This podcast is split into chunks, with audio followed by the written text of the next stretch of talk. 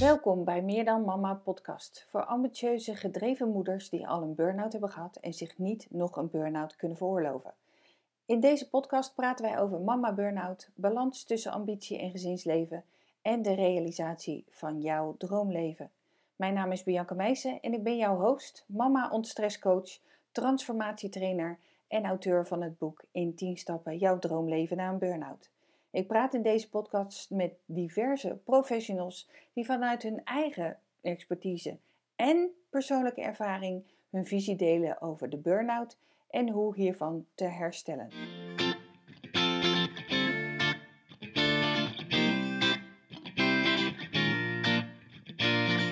Ja, en dan kan het zomaar zijn dat je met iemand in gesprek raakt waarvan je van tevoren nooit hebt gedacht dat je met die persoon in gesprek gaat over het hebben van een burn-out.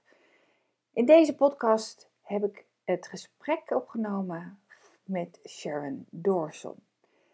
En ik voel me eigenlijk best vereerd dat ik überhaupt met Sharon in gesprek ben gekomen.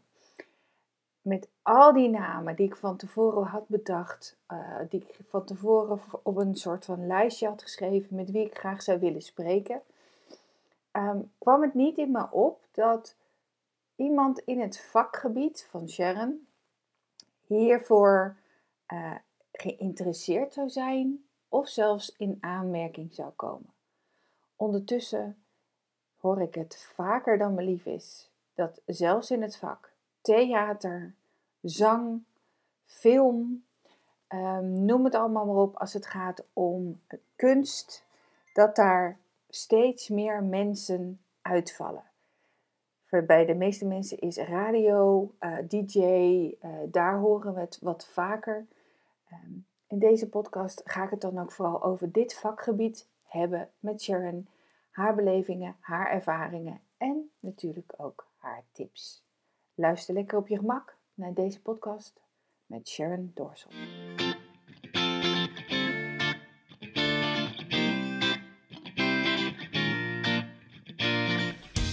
Ja, welkom Sharon Doornson. Ja, dank je. Leuk dat wij uh, in gesprek gaan voor deze podcast, Meer dan Mama podcast. Yes. Um, ik ga je zo natuurlijk ook de gelegenheid geven op wie is Sharon Doornson dan. Sommige mensen kennen je, misschien kennen mensen je niet. En um, vooral ook, hoe zijn wij in dit gesprek gekomen? ja, bijzonder wel. ja, precies. Dus um, ja, misschien is dit een, uh, een, een, een inkopper, misschien ook voor de mensen die aan, uh, aan het luisteren zijn. Um, ik heb jou gezien bij de beste zangers, mm -hmm. een paar jaar geleden nu alweer. En um, ik heb enorm, ik geniet sowieso altijd van de beste zangers, maar ik heb ook enorm van die aflevering genoten. Alleen er viel mij iets op tijdens uh, een, uh, vooral tijdens het nummer De Clown, die door uh, Ogene gezien ja, Ogene, ja, ik wil het, ja. ja, ja, En um, um, wat, natuurlijk, je was geëmotioneerd doordat er voor je gezongen werd. En dat is, en dat, maar wat mij opviel, en dat komt waarschijnlijk door mijn beroepsdeformatie, was een bepaalde hoogspanning. Ja. en uh, toen ik dat tegen mijn man zei, die had echt zoiets van, nou, ik weet niet waar je het over hebt, zeg maar. Maar toen kwamen wij uh, met elkaar in contact. Ja. En uh, ergens had ik wel gehoord dat je met een burn-out in aanraking was gekomen, maar verder is dat een beetje langs me heen gegaan. Dus met maar die... daar zag je het dus. Ja, toen dus... aan het zingen was. Of nee, ik was niet aan het zingen. Je was aan het luisteren. luisteren. ja. Toen dacht je, oeh, daar zit iets. Ja, inderdaad. En uh, um, nou ja, dat is ook mee de reden waarom ik aan jou vroeg van, zou je willen meewerken aan deze podcast? En ik denk dat heel veel mensen daar ook weer wat inzichten uit kunnen halen uit jouw ja. verhaal. Dus ja, ik heb het al een klein beetje weggegeven voor de, uh, voor de luisteraars. Sharon Doornson, vertel, wie ben je? nou, uh, hoi, ik ben Sharon Doornson. Ik ben 33 jaar, ik ben zangeres. Uh, sinds 2,5 jaar ook moeder uh, van een geweldig lief meisje, Malia. En um, ja, ik heb een burn-out gehad. En het is eigenlijk wel iets wat um, een aantal keer per jaar weer terug, nou ja, terugkomt. Ja, toch wel dat het om de hoek komt zetten en dat ik denk, oh my god, ik voel het weer aan alles. En nou ja, dat ik een beetje een gespannen persoon ben, dat, dat weet ik van mezelf. Um, dus daarom vind ik het ook heel erg tof om met jou hierover in gesprek te gaan. Um, maar ook wel spannend. Omdat het toch wel, ja, als artiest laat je nooit helemaal zien wie je nou echt, echt bent. Of, of wat je struggles zijn in het leven. En dit is mijn struggle in het leven. Ja. Gewoon eh, altijd veel te veel rooibiervork nemen. En nou ja, dat jij dat dan hebt gezien bij het programma, dat vind ik heel mooi. Eh, en ook als je dat dan zegt, dan voel ik ook gelijk weer een soort van gelijk weer Spaans benauwd van krijgen. Want ik weet nog dat ik daar was bij de beste zangers. En dat ik me. Ik zat zo niet goed in mijn vel. Echt. En ik. ik dat kan je niet voorstellen. Maar het feit dat ik alleen dan daar naartoe moest gaan. Want dat was dan eh, het idee daarachter. Van dan ga je allemaal met elkaar bonden. Gezellig, weet je, onder elkaar met artiesten.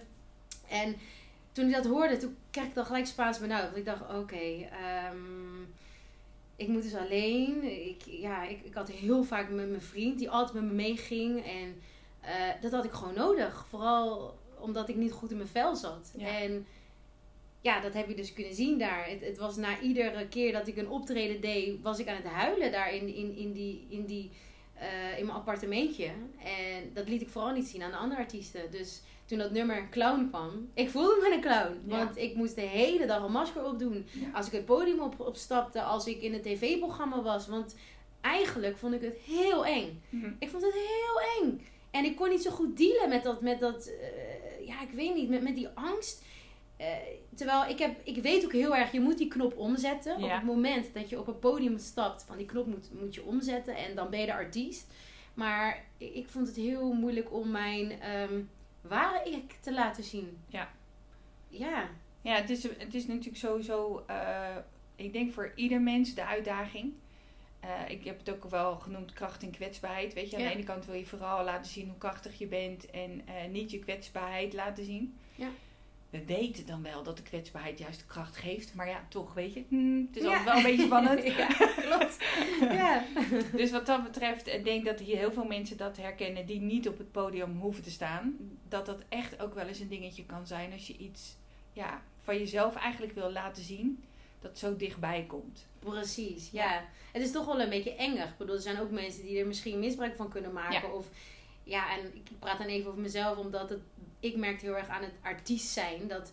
Dat je, ja, weet je, bent toch een beetje onbereikbaar. eh. mensen denken altijd van, oh, dit is echt een super vrouw en een superwoman. En tuurlijk, als ik op het podium sta, dan voel ik me ook eigenlijk 9 van de 10 keer zo. Want dan denk ik, oh, weet je, ik voel me helemaal een ster. En dan, dat vind ik heerlijk. Maar aan de andere kant, het contrast bij mij is zo groot dat, dat, dat ik daar echt een balans in heb moeten vinden om echt ervan, kunnen, om echt ervan te kunnen genieten Ja. als ik die artiest was. En Ja. toen dat helemaal uit balans was, Ja, kon ik niet meer als die artiest daar staan. En dan was het zo'n masker dat, Ja. ik ging allemaal rare dingen door mijn hoofd. Dan dacht ik, oh, het gaat niet goed. Hè? Paniek, paniek. Ja, pure paniek. Maar vooral niet laten zien dat Nee, nee, maar doe gewoon je masker. Ja. nee, gaat goed hoor. Oh, ik voel me zo goed. Ja. En wanneer wa- was de burn-out? Eh, ik denk nu ongeveer drie jaar geleden. Nee, langer wel. Kijk, we zitten nu in 2020. Vier jaar dan. 2016. Ja, want toen was de beste zanger, 2016. Oh ja. ja. Ja. Want 2015 heb ik Expeditie Robinson gedaan. Oh ja. Toen kwam ik eh, overprikkeld terug. Toen kwam ik, kwam, kwam ik helemaal nergens meer tegen. Ehm, ja, en toen ik dus met, de, met eh, de beste zangers meedeed, toen was het echt gewoon, ja, het was even een foute boel. Ja. Ben je toen ook thuis gebleven? Of hoe ben je ermee omgegaan? Nou, het was eigenlijk dat ik ehm, altijd gewoon maar door bleef gaan op automatische piloot. En op een gegeven moment, dat is dan na de beste zangers geweest, had ik een, eh, een repetitie. En, ehm, ja, oh ja, wat was het nou, joh? Ja, ik had een repetitie en ehm, ik werd gebeld en ik, ik kreeg het Spaans benauwd. Gewoon het idee dat ik gebeld werd van, eh Sharon, heb je dit en dit, dit al voorbereid? Ik dacht, ja, het lukt me niet, het lukt me niet. Ik kon me niet meer concentreren, helemaal niks. Dus ik, ik, ik, ik wilde de telefoon gewoon niet opnemen. En ik vroeg aan mijn vriend, want wil je alsjeblieft de telefoon opnemen? Want ik kan niet. En ik kon alleen maar janken. En uiteindelijk nou, werd mijn manager ook gebeld. En ja, toen dacht ik, oké, dit is echt helemaal mis. Het feit dat ik niet eens meer iemand te woord wil staan. En, en dat is een hele aanloop. Want het was natuurlijk niet in één keer, Nee, van een op andere dag. Nee. En als ik echt terug ga graven. Toen ik 17 was, heb ik ook meegedaan met een talentenshow. En toen he- heb ik ook een volledige blackout gehad. Dat ik mijn lichaam niet meer kon bewegen. Ehm, dat was eigenlijk ook wel een soort van burn-out. Ja. Maar moet je nagaan op je 17e. Ja. Is toch bizar? Ja, eigenlijk gaf je lijf toen al aan dat er iets niet in ieder geval in jouw voordeel eh, werkte, om het maar even Ja. zo te zeggen. Ja, Ja. precies. En Ja. ik heb natuurlijk allemaal onderzoek er ook naar gedaan. Dat ik dacht, hoe kan dat dan? Weet je, ik, ik, ik moest toen, toen ik 17 was op ademhalingsles. Want ik, ik kreeg hete hyperventilatie. Ik dacht dat ik oud ging overal in de klas. Mm. Dus allemaal van dat soort dingen. En dat kwam door die spanning. Ik kon helemaal niet tegen die spanning op het podium. Dat bleek dus. En ehm, nou ja, dat is nogal wat. Als je droom is om artiest te worden. te staan. Ja. Want je krijgt er ook een enorme adrenaline kick van. En ik bedoel, je hebt een talent eh, gekregen, eh, ontwikkeld. Ja.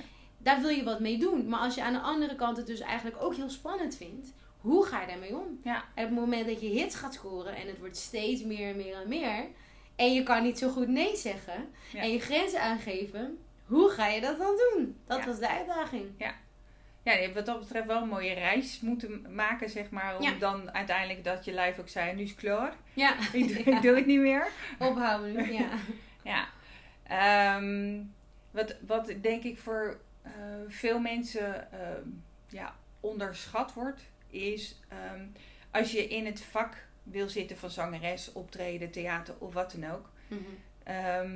Dan heb je dus geen sprekersangst. Dan durf je gewoon op het podium te staan. Precies, ja. En sterker nog, als je het wel hebt, dan moet je het gewoon doen en maar doen alsof. Mhm, mhm. Terwijl als je, net zoals ik in het vak zit, van trainingen geven en met mensen in gesprek gaan, weet je, dan kun je ook sprekersangst hebben. Heb je Ja. ook moeite met jezelf te laten zien. Ja. Alleen dan mag je wel dat in fases gaan leren ontdekken hoe het voor jou werkt, waar je tegenaan loopt of wat dan ook. Mhm. Dus ik denk dat daar al een, eh, eh, zeker in het theatervak, zou daar een mooie eh, ja, brug in te slaan zijn voor mensen. Dat het helemaal niet zo gewoon is en dat daar echt wel wat meer in de, te begeleiden mag zijn. Ja, en eh, kijk, om heel eventjes daar weer op een terugkoming op te geven. Daarom heb ik nu zoveel eh, liefde voor, voor het lesgeven ook. Ja. Omdat ik dan denk van, oké, ik weet waar ik zelf tegenaan ben gelopen. En dat ik op een moment een mental coach nodig had om me weer oké te voelen. Ja.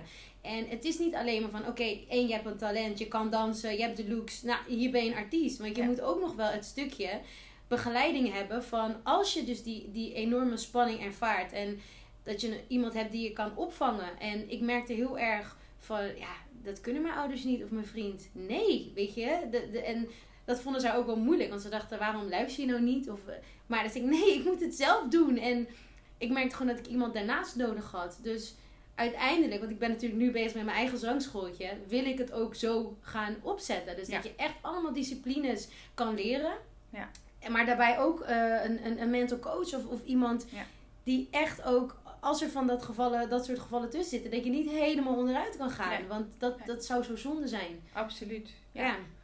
Ja, en eh, in het bedrijfsleven ehm, zou je denken van ja, daar hebben we daar allemaal geen last van. Maar het is natuurlijk in de, in de, in de theatersport of zang of wat dan ook, is het meer een kookpot. Ja. En in het bedrijfsleven gebeurt het ook, maar daar is het meer sluimend. Want ik hoor je ook dingen zeggen Ja, als ehm, ehm, nee, ik moet het zelf doen. Ja. Ik denk dat de gros van de mensen die een burn-out krijgen, dat als een soort standaard zinnetje hebben. Nee, ik moet het zelf doen. Ik moet het zelf kunnen. En ik moet het Ja. ook zelf oplossen. En, Mm. en eh, iemand naast je staan hebben we allemaal nodig. Maar dat vraagt niet alleen dat je bereid bent om hulp te vragen. Maar misschien nog veel belangrijker, ben je bereid ook de hulp aan te nemen. Ja, precies. Ja. Hoe was dat voor jou? Nou, als je dat nu zegt, dan denk ik nog steeds van, nou, Cher, dat is nog niet echt gelukt. ik heb er nog steeds discussies over thuis. Van, eh, ja, nou, ik, ik, ik weet dat ik het moet doen. maar ik, ik, heb, ja, ik ben daar best wel een eh, lastige in. Ja. Omdat ik, ehm, ik heb zelf heel erg een visie van zo moeten dingen gebeuren. Al is het over het huis schoonmaken Hmm. dan moet het zo gebeuren of zo. En, en ja, dat, dat, dat plannetje, dat, dat moet altijd op die manier. Maar ik, pas op het moment dat ik denk, oké, ik ben weer zo moe, dan pas ga ik om hulp vragen. Ja. En dat is een verkeerd patroon. Dat is echt een verkeerd patroon. Nou, het is natuurlijk ook een, gewo- een gewoonte geworden Ja. dat je het altijd allemaal zelf eh, naar je eigen hand ook letterlijk wil zetten. Ja. De, gewoon de- op de manier zoals jij het prettig vindt, zoals jij het graag eh, wil. Ja, weet je, en ik denk dat, de- dat menige luisteraar daar zich ook in herkent. En eh, ehm, ik heb zelf helaas geen schoonmaakgen, dus daar kan ik niet over mee praten. Maar ik hoor het wel heel vaak om me heen. eh, van, ja, weet je, het huis moet op orde en het moet schoon zijn en het moet opgeruimd zijn. En eh, de- nou, hele planningen ook over het eten en over eh, de kinderen en het kleding en noem het op. Je kan het echt heel ver doortrekken, heb ik begrepen. Ja! ik begrijp nou fijn dat je daar zelf geen last van hebt. Nee, en, ehm, maar goed, weet je, het, het beperkt je wel enorm ook in andere dingen. Ja. Want ehm, daar gaat best veel tijd in zitten. Ja. En, en daar zeg ik ook, ik ben blij dat ik daar dan weer geen last van heb. Want die tijd heb ik, hou ik over, zeg maar. ik weet wel, met, met mijn man, eh, die ken ik nu acht jaar. En Mhm. ehm, die, is, die is altijd heel erg juist van het schoon huis en opgeruimd of wat dan ook. En die moest echt even aan mij wennen daarin. Want ik stap gewoon over de speelgoed heen. En, eh, Oh, je, heerlijk. Dat, Ik zou willen dat ik dat had. Geef een beetje daarvan, alsjeblieft. Ja, maar goed, en- en misschien is dat ook wel een gevolg geweest van het feit dat ehm, eh, op een gegeven moment ben ik op mijn 29ste burn-out gegaan. Hmm. En dat is voor mij nu, even goed rekenen, ehm, ja, 21 jaar geleden. Ja. Dus ik heb natuurlijk ook wel een hele periode ertussen al ge- ze- eh, gehad van, oké, maar wat is voor mij nou belangrijk? Ja. En heel eerlijk, een schoon huis is voor mij niet zo belangrijk. Gezellig huis wel. Ja, ja. Maar een ja, schoon huis vind ik niet zo belangrijk. Nee, nee, nee. Maar goed, weet je, het is voor mensen wel herkenbaar dat daar op dat stukje alleen al hulp vragen. Ja. Ehm, en, en dan ben ik toch wel benieuwd, want eh, daarin eh, schijn ik ook wel heel anders in elkaar te zitten. Jouw dochter is eh, nu 2,5. Ja, 2,5. Ja, Ja. klopt. Ehm, ja, vooral de eerste twee jaar zijn tropenjaren. Mhm. De eerste vier jaar ook wel, vond ik zelf. Ja. maar, de Oh, eerste, maar de eerste twee jaar echt wel. En vooral omdat heel veel eh, op jou als moeder neerkomt. Mhm. En je mag jezelf helemaal opnieuw gaan uitvinden. Zo heb ik het in ieder geval ervaren. Ja. Ehm, kon je je man overlaten aan de zorg van je dochter? of moest je dat ook allemaal zelf doen? Ja, ik vond wel dat ik dat allemaal zelf ook moest doen. Ja. Ja. Ja. Ja, en dat, kijk, ik moet heel eerlijk zeggen, in het begin had ik dat enorm. Toen ze net geboren, ik voelde me zo oververantwoordelijk. Maar ja, zo ben ik ook. Ik Ja. ben echt een soort van persoon die altijd maar voor iedereen wil zorgen. En behalve voor, voor mezelf dus voldoende. Ja, ja. Soms heb ik dat wel in één keer. Dan denk ik, ja, oké, nu is het helemaal me-time. Oh, dan ben ik er helemaal van te genieten. Dan zeg ik nee. En dan zegt mijn vriend ook van, oh zo, je neemt het er even lekker van. Ik zeg, ja, klopt. Dit is mijn dag. maar dan moet ik dit wat meer dus eh, Ja. erin zien te krijgen. Maar ehm, ja, ik, ik, ik, had wel zoiets van, nee, ik doe dat wel. Eh, eigenlijk doe ik nog steeds wat dingen. Als ik dan 's ochtends wegga, eh, omdat ik dan les ga geven, dan... dan leg ik de kleertjes klaar. Ja. En dan stuur ik nog even een voice memo van... eh, zorg nog even dat je het rokje strijkt. En eh, eh, de krentenbolletje ligt daar. Ja, ik ben het helemaal aan, aan het uitwerken. Ja. En dan zit ik ook heel vaak in de auto en denk ik... Cher, denk je nou echt dat ze verschut loopt als hij dat uitgezocht? Weet je, is dat nou echt erg? Nou ja, dat gebeurt. Sorry. Heel schrikbeeld gelijk gecreëerd. Ja. En is dat dan heel erg? Want elkaar er ook een keer om lachen, weet je? Ja. Ja. Dus, dus ik probeer wel altijd een beetje die afweging. Maar als ik Ja. het dan nog red, dan denk ik, ah, doe even snel. Echt Ja. nog even snel klaar. Ja. Weet je, nog even, nog even de controle erover. Maar ehm, na een aantal maanden realiseerde ik me wel echt van, oké, Cher, doe even relaxed. Eh, de vader, hallo, hij kan het toch ook allemaal? Dus dat hoef je niet allemaal alleen te doen. En het, het begon ook al helemaal in het begin, toen ik net bevallen was, dat ik al gelijk dacht, oh, ik ga even stiekem, als ze niet kijkt, zeg maar, de, hoe heet dat nou? De, de, de, verlos- nee? Hoe heet die vrouw die altijd bij je thuis komt als je net bent bevallen? Hoe heet dat? Ik ben even de naam kwijt. Ja, dat is een goeie. Ehm, die heb ik een soort van geblokt. Ja. Dat was zo'n kwebbeltante. nou ja, je weet wat ik bedoel. Ja, Ehm, die zei al gelijk van, eh, wat ga jij nou doen? Dan ga je nou de vaatwasser uitruimen. Ik zei, ja, even, het is, eh, is lekker klaar alvast. Nee, jij gaat heel gauw boven op je bed liggen. Jij zou toch alleen eventjes naar het toilet gaan, weet je, zo. ja. Dus ik, eh, ja, nee, even, ik, ik moet altijd maar doorgaan. Het Ja. is een, echt een, een verkeerd dingetje. Nou ja, ik weet niet of het verkeerd is. Ik weet wel dat het voor heel veel mensen herkenbaar is. Ik, Ja. had, ik had toevallig ook vandaag nog met een klant daarover. Ja. Het levert je ook onwijs veel op. Ja, eh, ik krijg pas rust als alles gefixt is. Weet je, en dat is het ook een beetje. Het levert je ook onwijs veel op. Al was Ja. het maar dat je dingen voor elkaar krijgt. Al was het maar dat je sneller bent dan menig ander. Ja. Eh, al was het maar dat je het gevoel hebt dat je alles onder controle hebt. Het levert ook heel veel op. Ja. En de uitdaging natuurlijk is, vooral na een burn-out, is dat je ook wel inziet dat het je ook heel veel kost. Ja. En dat ombuigen, daar zit natuurlijk de grootste uitdaging dan ook in. Van ehm, waar zit de winst en waar zit het verlies om, om het maar even in die manier te... En hoe kunnen we die balans erin krijgen? Je zou bijna weer terug naar boekhouden gaan. Dan. Even kijken, wat doen we links? ja. Nou, ik, hoe ik het een beetje zie is van, je moet gewoon altijd iets vinden waar, waar, dat je kan opladen. ja, absoluut. Heel belangrijk. Ja, en, Ja. en ja, ik ben meestal energie aan het weggeven. En het oplaadpunt, die is soms even zoek. Ja. Waar hou je het meeste energie vandaan als je er nu zo naar eh, kijkt? Mm, nou ja, toch wel gewoon echt de simpele dingen. Gewoon lekker met mijn kind naar buiten gaan en eh, fietsen, wandelen, naar de kinderboerderij. Ja, dat is het ook. Ik, eh, wat dat betreft ben ik echt niet zo'n soort van VIP-persoon die dan alleen maar dure dingen wil. Nee, ik hou van de kleine dingetjes. Ja. Van de, gewoon de simpele dingen. En, en, maar ik kan ook enorm genieten. Gewoon lekker op de bank. Lekker Netflix. Even niks. Oh, heerlijk. Gewoon even nergens aan denken. Ja. Dat Ja. ik gewoon mijn mind even op nul kan zetten. Dat Ja. vind ik heel fijn. Maar een dagje naar de spa, dat staat denk ik wel even op nummer 1. Ja, toch wel hè? Lekker massage. Heerlijk vind Ja. ik dat. Ja. Ja, kan Helemaal me- zen. Ehm, Wat heb jij dan? Hoe ontspan jij helemaal?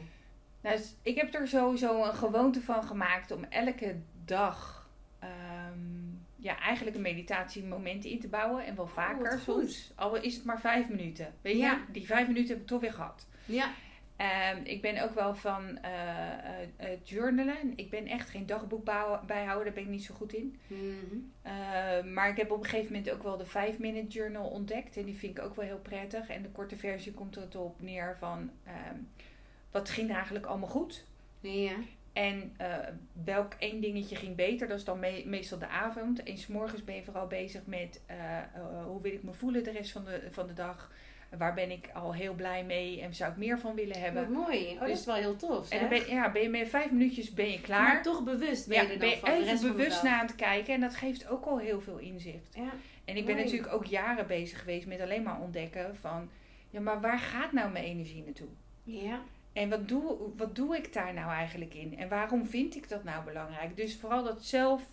Ja, ik ben er een beetje in doorgeslagen. Ben, het is niet voor niks mijn beroep geworden. Ja, dat ik. nou, maar dat is toch wel heel goed. Ja. Ik, ik doe bijna alles bewust. Ik zeg bijna, want ook ik heb mijn momenten van automatische piloot en niet nadenken en gaan. ja. Maar eh, ehm, ja, het is echt bijzonder om te merken. Op een gegeven moment kun je bijna niets meer ehm, niet doen zonder dat je ergens van binnen een stemmetje hoort zo van.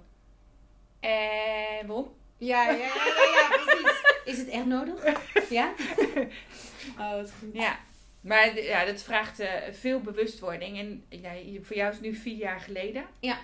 Hoe voel je je nu in je energie? Heb je het idee dat je al eh, uit, zeg maar, op het niveau bent van voor de burn-out? Of merk je dat je nog energietechnisch wel wat te, te zeg je dat? Verbeteren hebt? Nou, ik moet zeggen, op, op het moment dat die burn-out er was, nou ja, dat was natuurlijk echt een drama. Ja. Ik, ik heb, ben niet helemaal eh, diep weggezakt dat ik helemaal niks meer kon. Alleen ik, ik ben wel echt naar een situatie toe gegaan van oké, ik ga alleen vandaag even boodschappen doen. Of Ja. ik ga alleen even naar Oh, de gym. goed. Of, want ja, de rest, ik werd zo moe. En ook van al die prikkels. Het was gewoon allemaal too much. Ja. Langzaam heb ik dat weer kunnen opbouwen.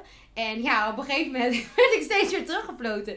Ehm, maar echt dat ik weer dat gevoel had van wow, die, die, ik, ik voel weer dat ik kleine trekjes heb van die burn-out. Dat is denk ik wel sinds dat ik mijn dochter heb. Omdat Ja, er natuurlijk veel meer van Ja. je gevraagd wordt. En ja, op het moment dat ik voel dat ik moe ben, ja, leuk. Maar als mijn vriend werken is, eh dan je gaat het gewoon door. Ja. Ja, je Ja. kan niet zeggen, doe jij het even. Nee, Nee. precies. En ik heb dan wel nu echt geleerd van oké, Cher, het hoeft niet allemaal perfect. En eh, inderdaad, dan, dan app ik maar eventjes naar mijn vriend. Oké, laat jij die hondjes even uit straks. Of eh, doe jij even de vaatwasser. Want ik hoef niet alles alleen te doen. Dat Nee. hoeft niet. Nee, En het is voor hem ook niet leuk. nee. Dus wat dat betreft heb ik het wel echt geleerd. Ja. Maar ja, je, je, je leven is gewoon veel drukker als je Ja. natuurlijk moeder bent. Ja. Dus Ja, dat was voor mij natuurlijk ook mede reden waarom ik wat weer op moeders ben gaan richten. Dat ik dacht, wow, oké, er gebeurt hier iets anders. Ik vind het wel mooi dat je het ook even aankaart. Want ik denk dat eh, hormonen, oftewel ons hormoonstelsel, echt wel onderschat wordt hierin. ja, En ik ga daar niet al te diep op in, want het wordt bijna een hele podcast voor natuurlijk. Heel interessant. Ja, maar, precies. En het is ook niet mijn expertise, maar er zit echt wel een heel groot ehm, impact op je hormoonhuishouding als je moeder wordt. Oké. Dat geldt ook voor de periode van de overgang en naar de menopauze. Ja. En dat maakt vaak ook eh, ehm, de eh, burn-out klachten. Het is niet dat je Mm. burn-out hebt, Maar dat het maar het is voelen. herkenbaar als de Ah. burn-out klachten. Ja, Oh, absoluut. kijk. Ja. en dat is, eh, daar noem ik het ook gekscherend mama burn-out. Want het is niet per se een burn-out. Maar Nee. het, is, het heeft echt gewoon te maken met je hormonale onbalans die dan plaatsvindt. Ja. En die heeft vergelijkbare klachten als een burn-out. Dus eh, ook voor de luisteraars thuis, je bent niet gek. Nee, er gebeurt echt er gebeurt echt-. Ja. Nou, het grappige is Ja. ook, ik had helemaal een tour al gepland op het moment dat ik dus zwanger raakte. Eh, toen stond er dus eigenlijk al een tour gepland. En toen had ik, eh, dat weet ik nog, ik ging met die mensen in gesprek. Het zei ik, jongens, het komt helemaal goed. Ik ben nu zwanger, maar drie maanden daarna ben ik weer in shape. ik ga gewoon die tour doen. Mhm. Zo, nou, ik heb gejankt daar ook achter de coulissen. ja. En zij dachten, wat is dit voor een, eh, voor een persoon geworden? Wat is Ja. hiermee aan de hand? Nou, ja, dus ik weet echt wat je bedoelt met die hormonen. Dat dat zo niet in... Nou, het was ook helemaal niet in balans. En achteraf, weet je, mocht ik ooit een tweede krijgen... Nou ja, dan weet ik ook, je gaat niet daarna alvast je kalender maken Nee. van... Dit en dit en dit gaan Je we weet doen. niet hoe je erbij loopt. Nee. Nee.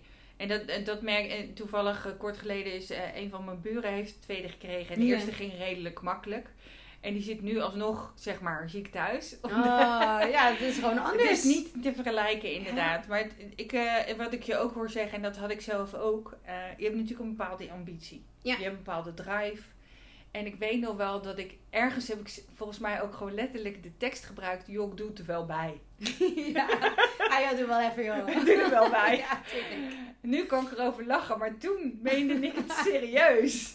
Ja, ja, Dat ja. je ook echt denkt van ja, weet je, het leven gaat gewoon door. Je krijgt er alleen een kind bij, een klein beetje aanpassen. en eh verder rest Je had geen idee van hoe het helemaal zou totaal veranderen. niet. Nee. Nee. totaal niet. Maar de impact is veel groter.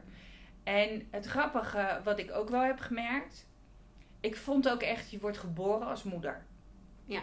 Dus het moment dat je, je kind geboren is, ben je ook geboren als moeder. Ja, dat heeft ook even tijd nodig voordat dat landt. Klopt. En ehm, dat is ook het verschil met mannen. Ze hebben geen idee. Gewoon niet. geen benul. Er zit geen verandering in. Er zit Nee. geen, geen... Ze hebben ook geen... eh, eh, ze kunnen letterlijk niet voelen wat een zwangerschap doet. Maar ze hebben ook geen... Ja, je zou bijna zeggen identiteitsverandering. Mhm.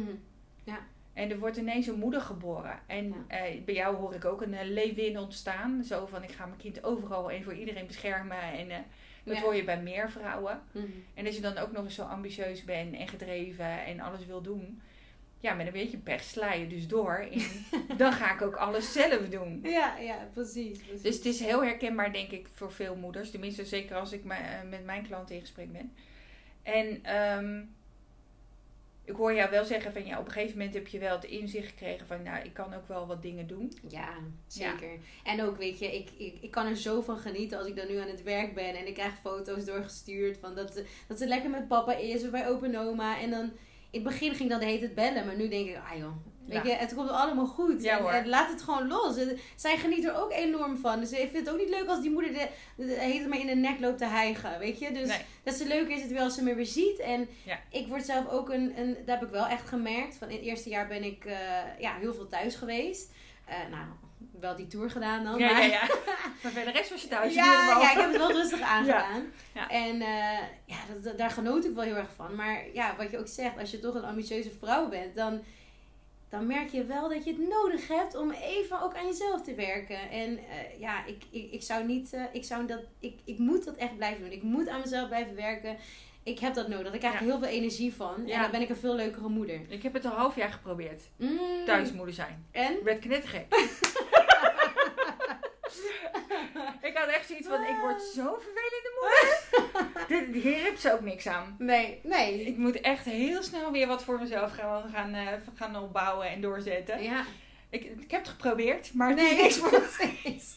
Nee, echt respect hoor voor, Ja. voor vrouwen die dat kunnen. Maar Ja. ik, eh, ja, nee, ik, ik, ik, nee, ik heb het echt nodig om me Ja. goed te voelen. Ja. Dus, eh, Ja, absoluut. Ik vond het wel grappig. Toevallig vorige week of zei, ze, zei mijn dochter van ja, als ik, als ik kinderen krijg, en ze is 6,5 hè, dus waar hebben Ja, we het Maar als ik kinderen krijg, Ja. dan, eh, dan wil ik niet werken. Ik zeg, schat, dat is helemaal prima als jij niet wil werken. Ja, tuurlijk. Dan, eh, en dan op een gegeven moment in de loop van het verhaal, ja, maar dan wil ik wel dit kunnen doen en dat kunnen kopen. Ik zeg, ja, maar daar heb je wel weer centjes voor nodig. Mhm.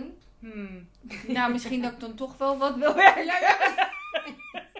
Nou, het is je kind, dus er zal vast wel wat ambitie hebben. Ik ben heel benieuwd hoe dat, eh, maar voorlopig hebben we nog een aantal jaren. Ja, ik wou net zeggen. Het is wel grappig hoe wij ook zelf daarin een beeld hebben. Van dat je. eh, nou ja, ik had zelf ook wel het beeld, om gewoon voor mezelf te spreken. Mhm. Dat je als moeder ehm, zoveel mogelijk beschikbaar moet zijn. Mhm. Nou ben ik een late moeder. Ik heb mijn dochter pas op mijn 43ste gekregen. Dus ik had ook heel, heel bewust gekozen om te zeggen van nou, dan ga ik mijn leven zo inrichten. Dat ik ook in ieder geval ehm, zoveel mogelijk thuis ben. Ja. Op de momenten dat zij thuis is. ja. Dat Ja, is mooi. Op een gegeven moment gaat, het- lukt dat ook niet meer. Want het, mijn bedrijf die groeit natuurlijk ook. En daar heb ik ook mijn, zo eh, mijn eigen keuzes in. Snap ik. ja. Maar ehm, ja, weet je, het is niet iedereen gegeven. Want dat is de andere kant. Jij en ik kunnen nog een beetje zelf bepalen wanneer we gaan werken. Mhm. Maar je hebt natuurlijk binnen het bedrijfsleven, joh, na drie maanden zwangerschapsverlof, hop, aan het Zo, werk. Maar dat lijkt me toch pittig, joh. Dat je dan meteen moet beginnen. En Half dan, negen ja. tot vijf en niet zeuren. En dan gewoon kolven in, eh, in Ja. de vergaderruimte, weet ik veel. In de kantine. Ja, sorry, maar... Ja. Ja. Ik echt knap voor mensen die dat zo doen. Ja, en toch de- ook vinden dat je het zo moet doen. Want dat is de andere kant. Ook Mm. degene die dan merken dat ze niet eh, herstellen, vinden dat ze dan nog steeds moeten werken. Ja. Ja, er gebeurt eh, in deze cultuur, begint er wel een shift te komen, maar het is er nog niet. En dus ik ben heel benieuwd hoe dit allemaal ontwikkelt. Welke tips zou jij willen geven aan moeders? Aan beginnende moeders of moeders die nu al rondlopen met wat jongere kinderen? Nou, luister echt naar je eigen lichaam. Ga inderdaad niet vergelijken met hoe andere moeders het doen. Of eh, ja, die moeder kan wel aan, na, na zes weken werken. En Ja. eh, eh, nou ja, in mijn geval staat op een podium of eh, nou ja, naar kantoor. Ehm, ja, ik vind echt, je, moet echt naar je lichaam leren luisteren. Anders heb je er later nog heel veel last van. Ja. Eh, dus niet te veel plannen maken. Hoe lastig die soms ook is. ja. ja, wat voor tips nog meer? Ehm, ja, op welk vlak? Ehm, ja, gewoon trots op jezelf zijn. Dat je een kind hebt gebaard. En, en eh, jezelf de tijd gunnen om te ontdekken eh, wat jouw manier is om, om, om voor je kind te zorgen. En Ja. Ja. want je weet het ook niet allemaal in het begin. Ik ging het aan iedereen vragen. Maar at the end weet je het zelf wel. Voel je ook wel hoe je het moet doen. Ja. Maar het kost gewoon tijd. Ja. Weet jij ook zegt dat het even landt allemaal. Van Ja. oké, nu ben ik opeens moeder geworden. En Hoe werkt dit? Hoe Ja. doe ik dit? Wat wil ik ervan? precies, neem er gewoon de tijd eh, voor. Dat eigenlijk. Nou, lijkt me een hele mooie. Ja. nou, Ehm, sluit ik hem hierbij gewoon af. Ik, nee, ik, zal de tips er ook nog eens expliciet bij zetten voor de, le- voor de lezers. En eh, als er nog vragen zijn, eh, dan horen we het graag. wel.